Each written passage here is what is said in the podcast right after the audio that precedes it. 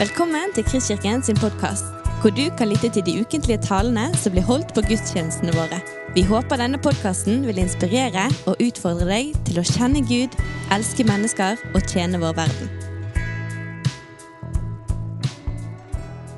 Kjekt å være her da, igjen etter en lang og god sommerferie. Jeg håper alle er oppkvikket og har ladet batteriene sine. Vi nesten som småpensjonister, vi har i hvert fall det. Noen av oss blir aldri pensjonister. Jeg er kanskje en av de. Folk generasjoner sammen. Eh, det var veldig spennende å være her eh, forrige søndag og høre Beate.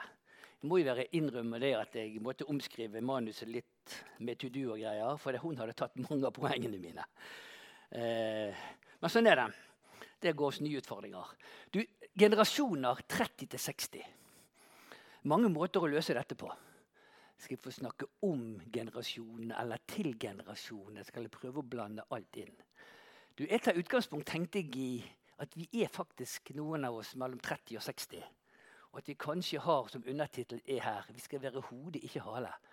Vi har et utrolig ansvar. Vi er forbilder. Mange av oss er i posisjoner, uansett om du er kong Salomo eller Jørgen Hattemaker, som min far pleide å si. Spennende. Jeg har sånn tidsperspektiv på knapp en halvtime. Jeg tror jeg skal klare det på det eh, hoppe over noen ting hvis, jeg, eh, hvis dette går, blir for gale. Men eh, Jeg begynte her for to dag, dager siden på med sånn eklesiakurs med Celloso. Jeg må bare dra den og den O store Gud. Det er favorittsangen min når det er proklamasjoner. Den er grådig god. Og så forteller da Ed om Matteus 16, om vi har fått, eller Peter har fått nøkkel til dødsrike sporter. Så bare lender han seg frem, så bare Ed kan, så ler han, sier han. The devil is a loser. så ler han godt. Og det slo inn i meg. Det er faktisk akkurat det. Djevel er en taper. Det er vi som er på vinnerlaget. Bare, bare ha det der. Hver hodet, ikke ha det. He is a loser. Jeg ler bare. Dere må se den. Han ligger ute på, på nettet. Folks, jeg har en drøm. Det har noen sagt før meg. Det er et godt uttrykk. Jeg òg har en drøm. Den første drømmen er å gjøre alle folkeslag til mine disipler. Men ikke, det er ikke bare Guds drøm, det er Guds befaling. Og det er vel egentlig det det handler om. Gjør alle folkeslag til mine disipler. Men jeg har en drøm om at Norge må være med på det. Gjøre Norge til en livgiver. Det, godt, det holder bare å nevne Marie Monsen, som vi har et spesielt forhold til her. Hva hun har fått bidra med utenfor landets grenser. Jeg tror Norge er så velsignet. Vi har et stort potensial til å nå ut over landegrensene våre. Så håper jeg at Bergen da, skal bli en by full av livskraft, livsglede og av omvendte syndere. Det er liksom Hallo, det er det det handler om. Der tror jeg og håper jeg at Kristkirken skal ha en veldig sentral rolle. For det er ikke tvil om at Kristkirken kan bli en offensiv og fremoverlent menighet. Noe vil si vi er der, ja, vi har deler av det, men vi har alltid og vil alltid ha en vei å gå. Alltid noe å strekke oss etter.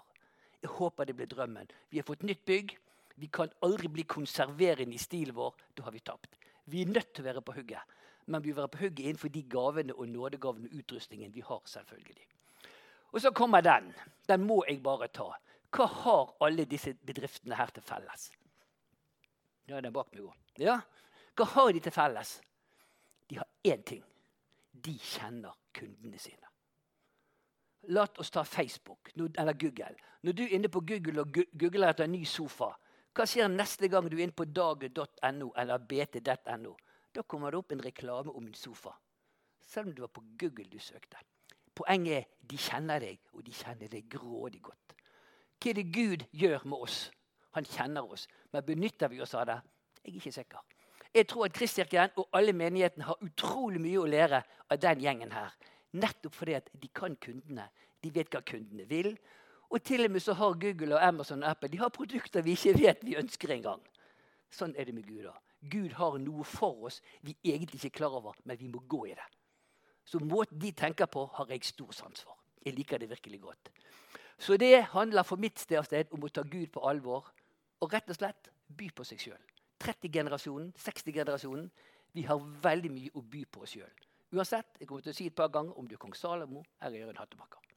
Innenfor rammen av gavene så har vi mye å by på. Nå må jeg følge med her på mine egne manuser.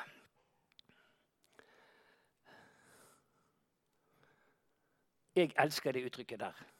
Herren skal gjøre det til hode og ikke til hale. Du skal alltid være ovenpå og aldri ligge under. Så fremt du hører på Herren, din Guds bud, som jeg i dag byr deg å ta vare på og holde. Han skal gjøre dette hodet. Det har fulgt meg siden jeg møtte El Silvoso første gang. Det betyr å være litt offensiv i tenkningen. Ikke bare innenfor næringslivet, men også innenfor den åndelige dimensjonen i menigheten. Vær hodet innenfor de gavene du har. Men ikke nok med det. Så sier altså Gud i Jeremia. Så sa Herren. Stå på veiene og se til. Spør etter de gamle stier. Spør hvor veien går til det gode, og vandre på den. Så skal dere finne hvile for deres sjeler. Jeg tenker Det må bety i hver enkelt setning delt litt opp. Still dere på veiene i se og se.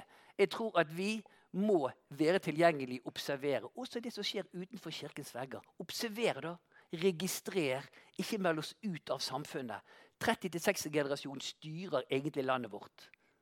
Og skal vi være defensive, jeg tenker vi må være kjempeoffensive. Så sier han også 'spør etter de gamle stier'. Jeg tenker De må ha respekt for og lærdom for det som faktisk er gjort. Der kommer visdommen til, til oss eldre inn. Noen har gått opp stiene før.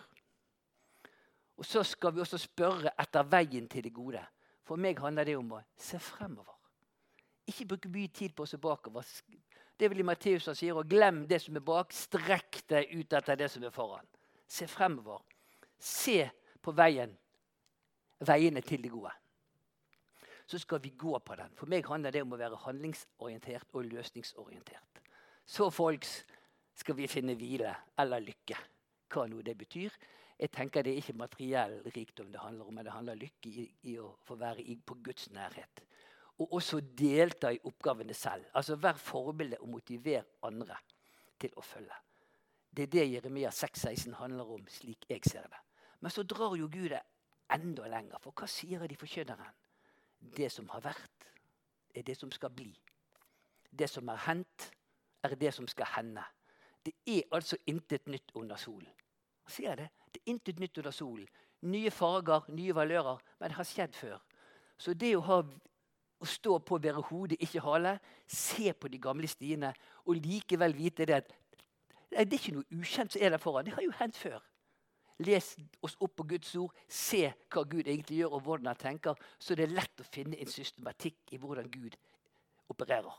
Og vi er verktøyet for at han skal nå noen mål. Og for å krone det hele Da tror jeg det er et av de siste bibelversene kommer før jeg skal dra meg litt inn på andre ting. Hva var det Salomo gjorde? Han ba om én ting. Han ba om visdom.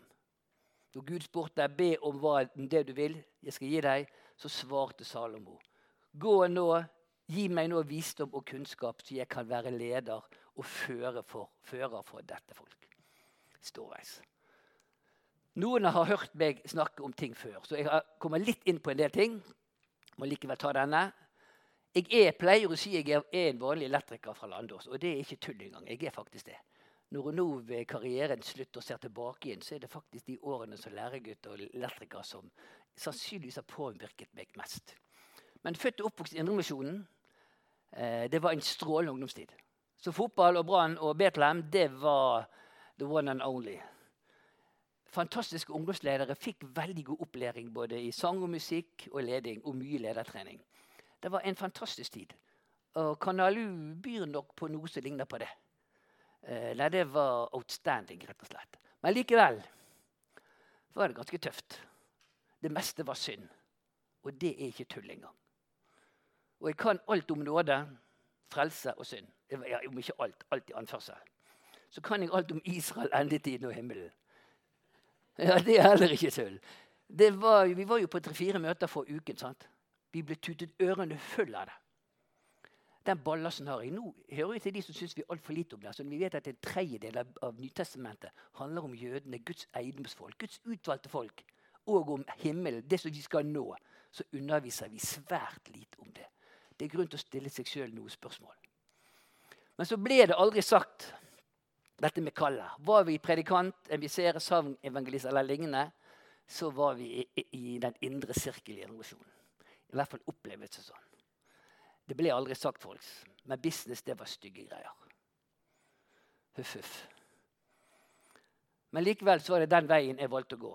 Lang erfaring fra næringsliv og politikk. Det er det jeg har tenkt å si om meg sjøl. Men likevel så er det én ting som kjennetegner den tiden min. Og som ser ut her er noen som har aldersgruppen min, så var det stridenes år. Det var utrolig mye altså EEC eller EF eller EU var jo overordnet. Det lå jo og cruiset overalt. Men i menigheten så var det dette som var konfliktområdet. Og da var det helt, For meg som gikk i Betlehem, så var det helt utenkelig å gå og besøke tabernakler, for de hadde et annet menneskesyn, for de hadde et annet dåpssyn. Det var nesten tuktsak i Betlehem hvis vi gjorde det. Og nå, nå tuller jeg ikke. Det var virkeligheten. Eh, så lov og nåde, det skal vi hoppe over. Men endetiden og skikken er ikke lik med denne verden, det var liksom de mest hete potetene.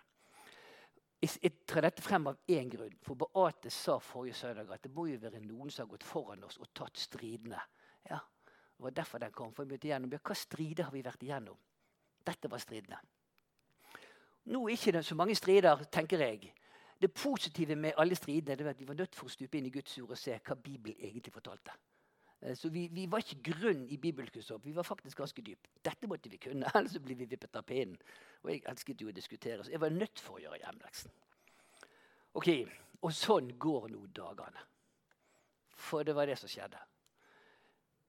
Vi kom inn i det vanlige mønsteret, som veldig mange gjør. Noen får ektefeller, noen velger å leve alene, og det er helt greit. Livet skaper forventninger, gleder, sorger, skuffelser. Dette er selve livet. Og Vi kan ikke legge oss ned og grine for det. Eller bare danse for det. Det er sånn livet er. Og Dette var, litt, dette var Beate inne på, så derfor har jeg tenkt å ikke si så mye om det. Det kan jo dere bare lytte på den talen. Men det som er spennende i denne sammenhengen, det er eklesia, eller menigheten. Jeg håper alle i menigheten fikk denne boken. Hjemmelekse i sommer. Håper dere har lest den. Det vil jeg sterkt anbefale, for det handler om et lite fellesskap på to-tre mennesker, det er eklesia, og så springer ut ifra det. For det eklesia er egentlig en måte å tenke på som næringslivet brukte, og som Jesus stupte rett inn i. En utrolig spennende bok. Anbefaler å lese den. For det som er alvorlig med de punktene her, det er at livet tar oss der ute. Både med krav til materielle ting, hus, i hvert fall hus. Gjerne to inntekter for hus til dyr, til barn, barnepass, idrett, fotball, håndball, speider.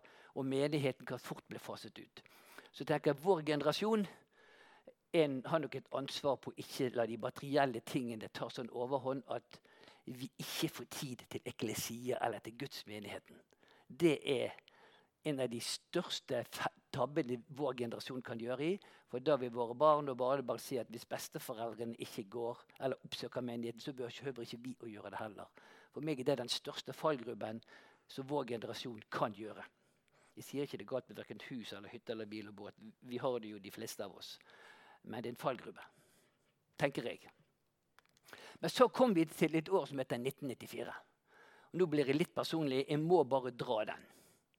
Det skjedde mye spennende i 1994 som ikke hadde med Kristkirken å gjøre. Men det var liksom bare for å sitte meg inn i det. Hva var det som skjedde? Masse. Masse, masse. Men det som egentlig var den store overraskelsen, det var når Reidar inviterte inn det vi kaller Toronto-velsignelsen. Jeg har vært med fra Kristkirkens begynnelse og var av de som fikk det som et sjokk. Jeg kom fra Indremisjonen og kunne ikke tenke meg Altså, Jeg er sånn hands up, som det heter med lovsang, mens min kone hun, nei, jeg er hands down, og Anne er hands up. Husker Vi diskuterte om vi skulle begynne, gå i Kristkirken eller Frikirken. Jeg ville gjerne fortsette i Frikirken.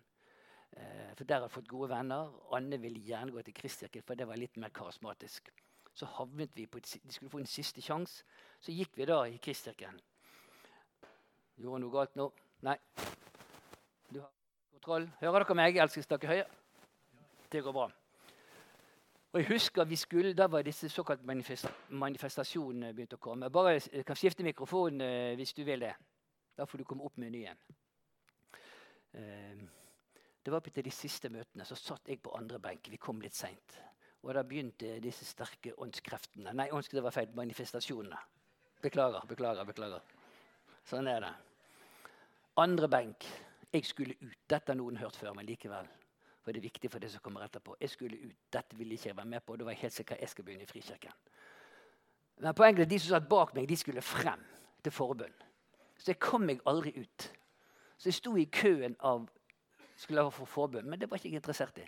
Men så kom Geranton han sitter der. Han lå hånden over hodet mitt, og da sa det bare klikk. Og da var jeg på gulvet, og der lå jeg i tre kvarter og lo og lo og lo. Og jeg brølte sikkert òg. Og jeg, ble, jeg, kom meg ikke hjem. Jeg ble støttet ut. Og det var ikke tull engang. Dette var søndag. Mandagen kom, jeg kom meg ikke på jobb. Jeg lo og lo og lo. Og tirsdagen kom jeg heller ikke på jobb. Og heller ikke på onsdagen. Og da var egenmeldingene gått ut. Og da husker jeg jeg ba en sånn Kjære Gud, nå orker jeg ikke mer. Jeg kom meg på jobb om torsdagen. Etter det skjedde ingenting. Jeg ble ganske irritert. Gud, hva var dette for noe? Og så, Nå er Rita gått ut, men så i en barnedåp med Rita og Bjørn og de gamle kristeklokalene, så var Reidar og talte, og jeg satt der. Da var talerstolen der med flygene. Og Idet Reidar gikk ned og bare løftet hånden, så sa det bare pang for meg og Bjørn. Og Bjørn skulle jo i barnedåp, og ødelegge den barnedåpen, selvfølgelig. Da var det på gulvet igjen. Men Vi kan le av disse manifestasjonene med latter og brøling og risting. Eh, men det skjedde noe, folks. For etter de rundene der, og de varte jo mange år, så var det dette her som det egentlig var fokus på. Tilgivelse, nåde, frelse, Guds folk i Israel. Det var det som dukket opp i hodet på veldig mange. Det ble kjempefokus på enhet og på renhet og på synd og tilgivelse. Det gjorde noe med meg. Og det gjorde noe med 30-60-generasjonen, for det var mange av oss. På den tiden der traff jeg Ed. Silvoso, som Reidar introduserte meg for. Og jeg, jeg, liksom, jeg, ble, jeg, var helt sånn sjokkskadet, for jeg kom fra en runde i Betlehem hvor det var nesten synd. Jeg husker når to av de skal ikke nevne navn, men to av de ledende i Betlehem måtte slutte fordi de ble aktive i KrF. For vi skulle ikke sikre oss lik med denne verden. Det er altså ikke mer enn 30-40 år siden. Så kommer Ed med følgende. Det, jo, det er egentlig frustrerende å snakke om det, for det var jo 40 år før jeg skjønte dette. her. Forteller han om at Jesus var jo født på Markedsplassen. Ja, sier du det, ja. Så kommer dette, han var sikkert, under, Før han var 30 år, så holdt han sikkert på beregning av pristilbud, byggeledelse, investeringer, vedlikehold og alt dette. Tømrer er sannsynligvis, Han var sannsynligvis mer entreprenør enn han var tømrer. Men la oss ikke henge oss opp i den detaljen. Ja, Var det sånn Jesus var? Akkurat Da kunne han jo litt om markedsplassen likevel.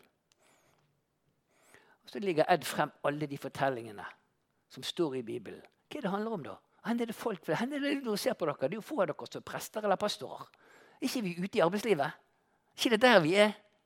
Ja, Og Bibelen er jo stappfull av fortellinger fra arbeidsplassen. Det var sånn, Rullegardinen gikk bare opp. Og når en da i tillegg begynner å gå på personer, hvem disse var ja, det, De hadde jo sitt daglige virke på jobbene. Det er jo faktisk meg og deg det handler om. Det var takras i hodet. Og når du samtidig får vite hvem som har skrevet evangeliene, så var det game over sjakkmatt. For det var det jeg var.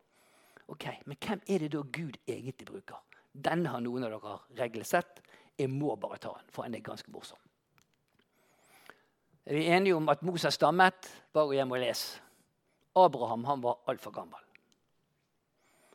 Kong David han var det motsatte. Han var jo altfor ung. Profeten Hoseas hustru var prostituert. Patriarken Jakob var en løgner. David hadde en affære med konen til en soldat som han fikk drept.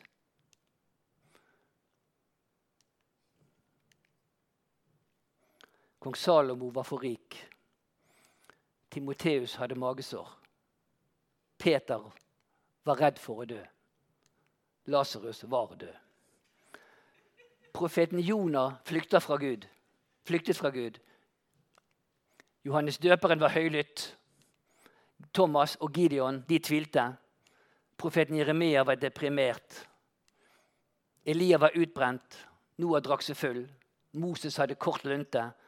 Det hadde Peter også. En gutt hadde bare tatt med seg en matpakke. Martha var urolig. Sara var utålmodig. Miriam var en sladrehank. Folks, poenget er Gud holder altså ikke ansettelsesintervjuer. Han spør ikke etter CV-en din. Nei, det interesserer han ikke. Han kaller ikke mennesker som er kvalifiserte. Fra mitt ståsted så ser han heller ikke på alder eller generasjonstilhørighet. Om du er 0 til 30 eller 30 til 60 eller over 60, helt uinteressant. Han kaller mennesker som er villige, og så utruster han. Det samme som du skal ikke få først, og så skal du gi. Nei, du skal gi det du skal få. Så. Nei, det var helt feil. Du skal gi. Skjønner du? Du skal gi, så skal du få. Akkurat som her. Si ja selv om ikke du har utrustningen, så kommer han. Og Da er jo spørsmålet hva med oss, vi som sitter her? Hva, når du ser på den listen vi hadde, hva slags skyldning har vi, eller du, til å si nei til en utfordring vi får? Enten på jobb eller i Kristkirken. Hva slags unnskyldning har vi for ikke å bli brukt? Spør du meg, så har vi en ganske dårlig sak. Gud kan bruke alle på tvers av generasjoner og på tvers av alder og kompetanse. Så ikke tull med Gud. Gir vi et løfte, så hold det. Ikke tull. Og Derfor sliter jeg av og til med en del lovsanger. Jeg klarer ikke å synge 'Jeg gir meg mitt alt til deg'. Jeg kan ikke si det, for jeg vet ikke om jeg, gjør, om jeg klarer det. Jeg kan godt synge 'Jeg skal prøve å gi meg alt', eller 'jeg ønsker å gi alt til deg, Gud'. Men jeg vil ikke si 'jeg gir meg alt'. Det er en løgn for meg. Jeg tror ikke jeg klarer det. Så mange av lovsangene eller sangene er kanskje litt lette når vi tenker på at det rett nok er det vår far og Abba, men det er en heldig Gud vi står overfor. Ikke tull med Han. Så har vi også lært én ting av Ed når vi skal ut og evangelisere. Gjøre dette som står her. Og Det siste punktet det betyr proklamere Jesus som Herre og Frelser. Vi skal begynne med en del andre ting. Dette er nå bare et tips. Bli kjent med folket. Gå over versjoner og velsign. Bygg relasjoner. Møt behov og proklamer. Så denne generasjonskløften vi snakker om, fins han egentlig? er det ikke en kombinasjon av erfaring og idealisme? Ikke det er det som er spreng, sprengkraft? Og Håvard viste en pil her om hvem som hadde styring, og hvem som var ressurser osv. Jeg må si, jeg har sagt det til Håvard, jeg er ikke helt enig i den. For jeg tror ikke det, det handler om unge eller gamle som skal være spydspiss. Jeg tror egentlig det handler om gaver og om utrustning. Så kan vi være så gammel vi bare være vil. Jeg har nok litt mer av denne galskapen å være der foran som type. Jeg er ikke sånn som kan ligge bak og styre og gi retning. Nei, jeg må være foran og slåss. Det er det som gir meg masse energi. Så tror jeg vi trenger alle generasjoner. Så er det jo til å stusse litt på hvorfor ikke det er generasjonskonflikter i næringslivet. Der er det ikke, Kjønn kan være debatt, men det er ikke debatt om generasjoner. Ung eller gammelt er irrelevant. Gjør jobben, lever. That's it. Og hvorfor er vi opptatt av genera Og er det kanskje noen politiske partier som har noen ungdomsorganisasjoner. Men er dette noen konstruerte ting i menigheter? Tenk litt på det. Jeg skal ikke si at jeg innehar sannheten, men jeg lurer meg litt på om denne generasjonskonflikten er faktisk så stor. En av mine gode venner som går her i menigheten, han er vel den som ligner, liker mest det jeg kaller for piggtrådmusikk enn noen ungdommer jeg kjenner. Mannen er jo helt hardrocka. Digger det. Men er jo mellom 50 og 60. Bare så er det sagt. Han er ikke her i dag, så da, kan ikke jeg sitere navnet hans. Så jeg tenker folks, vår generasjon skal være hodet, ikke hale. Vi må gå foran. Så to enkle fortellinger fra mitt eget liv. Dette som står her, det er vel en av de mest siterte salmene, tror jeg. Du dekker bord for meg like for mine fienders føtter. Du salver mitt hode med olje, mitt beger flyter over. Bare godhet og miskunnhet skal etterjage meg alle mitt livs dager, og jeg skal bo i Herrens hus gjennom lange tider. Du dekker bord for meg like for mine fienders føtter. Den er sterk. Hva betyr det? Jeg har to enkle historier fra mitt eget liv. For det var nettopp det som skjedde. Jesusstolen. I gamle dager, det var 30 år siden, Herman Haaland og jeg han husker dere, sant, var ganske aktive i politikken. Så er vi litt inn på dette med Edsel Voso. Så sitter vi og diskuterer uh, hva gjør vi med å få fatt på næringslivet. Og Så, reist, så tar Hermund med til Oslo. Og så får vi da møte uh, statsministeren, Bondeviken, på et bønnemøte på statsministerens kontor. Der var også uh, Dagfinn Høybråten som var helseminister. Og så var det altså Gabrielsen som var næringsminister, så var det Lars Risa som var aktiv i KrF, og så var det Hermund, og så var det meg sitter vi der på statsministerens kontor og hører disse ministrene be for landet inderlig. Det er ikke, dette er ikke sånne eh, oppleste bønner på forhånd. eller skrevne bønner på forhånd. Dette var i fri dressur, og det var en inderlighet. Der og da sitter vi litt og prater. Jeg mener det var Dagfinn som kom med den gode, ideen. Dagfinn mener det var meg, men la, la den være. Men der sitter vi, for det var en, det var en stol ledig ved siden av meg. Og så var det, jeg mener det var Dagfinn som sa Terje, der kan vi bare plassere Jesus og Den hellige ånd. Og da hadde han sagt det ned. Det var en grådig god idé. når jeg kom hjem igjen. Det var en grådig god idé. Da begynte jeg å praktisere på absolutt alle møter, og det er ganske mange møter jeg har vært igjennom. Jeg har alltid én stol ledig på min høyre side. I Jesus-stolen. Uansett. Og det var styremøter, byggemøter, økonomimøter. That's it. Men det var min måte å vise at OK, Gud, her sitter du. Husker Første gang jeg sa det, så ristet de opp på på noe i veien med deg. Terje. Nei, jeg det sånn. Og når jeg var litt skjev, så kunne de bestemme. Så de torde ikke å bølle. sant? Det er ganske herlig. Og Så begynte jo dette å rykte litt i næringslivet. Men det var mest klart det begynte som en, som en symbolhandling. Men etter hvert så ble det, jeg ble minnet meg sjøl om at ok, Gud er jo faktisk til stede. Han bryr seg jo. Ed hadde jo vist meg alle disse historiene som handler om hverdagen vår, om livene våre. Så liksom, ok, Hvert møte, uansett hva det handlet om, så var Jesus der. Og jeg ba om visdom. Jeg ba andre om at jeg skulle bli rik, og at jeg, og at jeg skulle få rett. Ikke det det handler om. Få visdom slik at de rette ordene faller, og vi kan komme frem til gode løsninger. For Gud bryr seg om det som skjer der ute. Det begynte vi å praktisere. Så begynte ryktene å gå. da. Jeg satt jo i en del styrer og i næringsråd. og sånt. Bergens næringsråd var jo helt oppgitt når jeg kom med den stolen. Så fikk jo selvfølgelig media snakk om dette. Og dette sier jeg ikke for å fremheve meg sjøl. Men liksom det der, han dekker bord for meg like for mine fienders føtter. For skulle media skrive om dette, og da svettet jeg. For det, eh, Nå sitter Elinor her nede. Hun satt i Bob-styret rett før dette skjedde. Elinor Nilsen. Kjekt å se deg her, forresten. Og da visste jeg ok, her, hvis dette kommer ut i media, og styret ser det, og medlemmene begynner å rase, så var dette sannsynligvis med jobben som innsats. Og ble, eh, meg og han satt på hytten og klødde i hodet. Skal jeg ja eller ikke? Og så sa jeg ok, dere kan offentliggjøre intervjuet. Da var jeg ikke høy hatten, for å si det sånn. Dette kunne koste meg jobben, men jeg var etter hvert villig. Ok, Gud, du har gjort mye for meg. Jeg tar sjansen. Så skjedde det helt motsatte. Jeg har aldri fått jeg har aldri, aldri, men veldig sjelden fått så mange e-poster, telefoner, og da var det SMS-er, det var ikke noe annet, om hvor utrolig velsignet de var blitt for at jeg sto frem og fortalte om det. Så for meg ok, Gud dekket bord for meg like for mine 44. Det var mange fiender som ikke kunne fordra dette.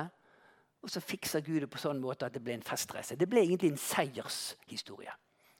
Ok, Gud, jeg gir meg. Dette var strålende. I ettertid. Typisk eksempel. Det neste er Bob til Israel. Jeg var da leder i Bob. Og jeg har vært i Israel et par og 50 ganger, både med, som reiseleder og privat og business og politikk. og alt dette her. Og Så satt vi i Bob, og så var det en gang vi, på disse ledermøtene sa hun HR-sjefen til Terje kan ikke du ta Bob med til, til Israel. da? Så reiste i hvert fall ledergruppen. Og de syntes dette var strålende. Kom vi tilbake igjen, så For noen år siden var Bob 70 år. Og hadde bestemt meg for ok, vi tar, reiser på en tur, bruker noen millioner på en tur. Vi har jobbet som gale nå. Vi fortjener det. Ja, ja, ja, sa ledergruppen. Vi må til Israel. Og da var den der flotillaen nede i Gaza Det var ganske hett på den tiden. Det smalt jo både bomber og kuler og krutt. Og så skjønte jeg hva dette kunne bety. Og så sa jeg ok, vi må i hvert fall la medarbeiderne for med å bestemme. Så fikk de tre alternativer. Det ene var Elbe, det var der Napoleon var født, og Toskana. Og så Tel Aviv. Og vi var vel godt vel 80 bob da. Det var to stykker som ikke ville til Tel Aviv. Eller så vant Tel Aviv. Så vi måtte altså reise til Tel Aviv mot alle odds. Og da begynte jeg å svette. For her var mange fine. Det var oppsatt jo i bystyret da, for KrF. Og masse politiske debatter. Eh, så jeg var jo ganske sånn svett. Men ok, vi vet her å reise til Israel. Jeg hadde ikke tort å si det til styret ennå. Men vi kjøper inn 80 bibler, og meg og Anne sitter hjemme sånn scotchteip på alle biblene og merker hva vi skal lese. og på alle 80, og deler ut 80 bibler til medarbeiderne. Og så reiser vi. Og rett før vi reiser, så begynner Bergenstiden å interessere seg. Skrev de ingenting om det, men det var masse motstand. Og jeg sa det til styret. Eh, kom an igjen. Vi hadde styreleder som heldigvis var en av den sjenerøse sorten. Så vi reiste, men det var masse motkrefter eh, eksternt. Vi reiste og hadde en utrolig tur. Husker en episode, Det var veldig mange episoder, men vi sto på, satt på Genesaretsjøen og vi leste, fra, leste Bibelen om hvor Jesus gikk på vann. og hvor han Garda på den ene siden og på den andre siden. Sant? Og så kom hun HR-sjefen og sa Terje, sier ikke du at folk, nå må du holde kjeften nede. Unnskyld uttrykket. Sier ikke du at folk sitter og griner? De er skikkelig berørt. Så vi enden på visen var at den båten den, vi har leid for 40 minutter. Heldigvis var det sist sett på kvelden, så vi i en time til. For det, det var så sterkt for medarbeidere. De bare satt der. Men så kommer historien. Og kommer hjem. Det var jo da det skjedde. Eh, så vidt jeg vet, var det ingen bekjennende kristne i Bård på den tiden. så vidt jeg visste. Men etter turen er det en hel haug som har tatt imot Jesus. No, mange av de har tatt igjen barnetroen sin. Vært litt på avstand, så har de plutselig har de fått møte Gud der nede. Og vi hadde ikke gjort noe annet enn å ta dem med på tur og brukt noe penger og så kjøpte en bibel til det. Det var mitt bidrag. Eh, så kom vi også hjem, og så ser vi fruktene. Og fortsatt nå, når jeg ga meg i Bob for noen år siden, så kom hun sist inn og sa det, det er én ting jeg ikke har sagt. Eh, det må du få høre før du slutter. Og det har jeg også tatt imot Jesus. Eh, så liksom, hallo, er det, er det, virkelig mulig? Og her i Jægen så reiste det et bilde fra Jerusalem. Den dagen regnet det så bare det i Jerusalem. La nå det være sagt. Spennende. Og, og, igjen det der, Han dekker bord like for mine fiendes føtter. Jeg har vært heldig og hatt en sånn posisjon som leder som kunne ha gjort det. Men uansett om du er kong Salomo eller Jørgen Hattemaker, det å være hodet, stole på Gud, det er godt stier opp på forhånd, gå i de. Noen dører er bare lukket, og, du, og så lukker de igjen, og plutselig du har lukket den, da åpner det seg en ny en. Det, det har jeg erfart. Så det der med at det dekkes bord like for mine fiendes føtter Ja, det er bare Hallo? Og jeg har, jeg har, ganske mange sånne eksempler. Dette var liksom bare to jeg kan snakke om i plenum, for dette er offentlig kjent fra før av. Det er storveis. Så skal jeg hoppe over Jesus og Peter. Det er en av yndlingstemaene våre. Men så tenker jeg litt på generasjoner sammen i KIB. Jeg tenker Det viktigste vi som står foran oss, alle generasjoner, vi må jobbe mot et felles mål. Så må vi bruke tid sammen, vi i menigheten. Glem korona. Det håper jeg og tror skal ordne seg etter hvert. Men vi har noe som heter NAMU, altså denne medlemsundersøkelsen som vi skal begynne å jobbe med etter hvert. Der blir det en del workshop. Så jeg tenker at sammen er generasjonene dynamitt, så det holder. Så jeg er fortsatt ikke villig til å sette opp disse her eh, skillelinjene mellom generasjonene. Jeg er ikke der. Og så har jeg en lyst å vise det skal jeg avslutte med, en liten video med Bill Gader, eh, Walker Band, som synger en utrolig fin sang som sier litt om generasjoner og om menighet. Og skal si et par veldig korte ord etterpå. Og nå, Hvis teknikken står hos Bi, Torstein Nå gjør jeg sånn. For meg er denne saken utrolig viktig, for han viser én ting egentlig at menigheten skal bruke ordet er et vannhull.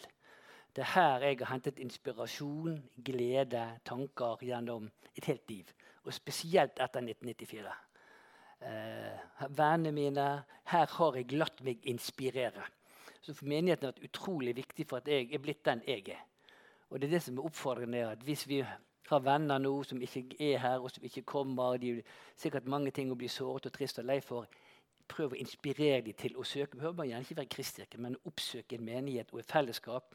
For det bringer samhold, og det gir oss en indre fred, og det gir oss en styrke og bensin, så vi kan komme oss videre i livet. Eh, så for meg er fortsatt Kirken et verktøy, eller menigheten et verktøy for å nå et annet mål. Og det håper jeg den videoen der viste. Det er verktøyet, det indre liv, og så går vi videre og blir inspirert. Fred etterleter jeg dere, min fred gir jeg dere. Ikke den fred som verden gir. La ikke hjertet bli grepet av angst og motløshet. Derfor vær hodet, ikke hale. Du har lyttet til en podkast fra Kristkirken i Bergen. Vi håper du har blitt inspirert og utfordret i din vandring med Gud. Vil du vite mer om oss, så klikk deg inn på kristkirken.no.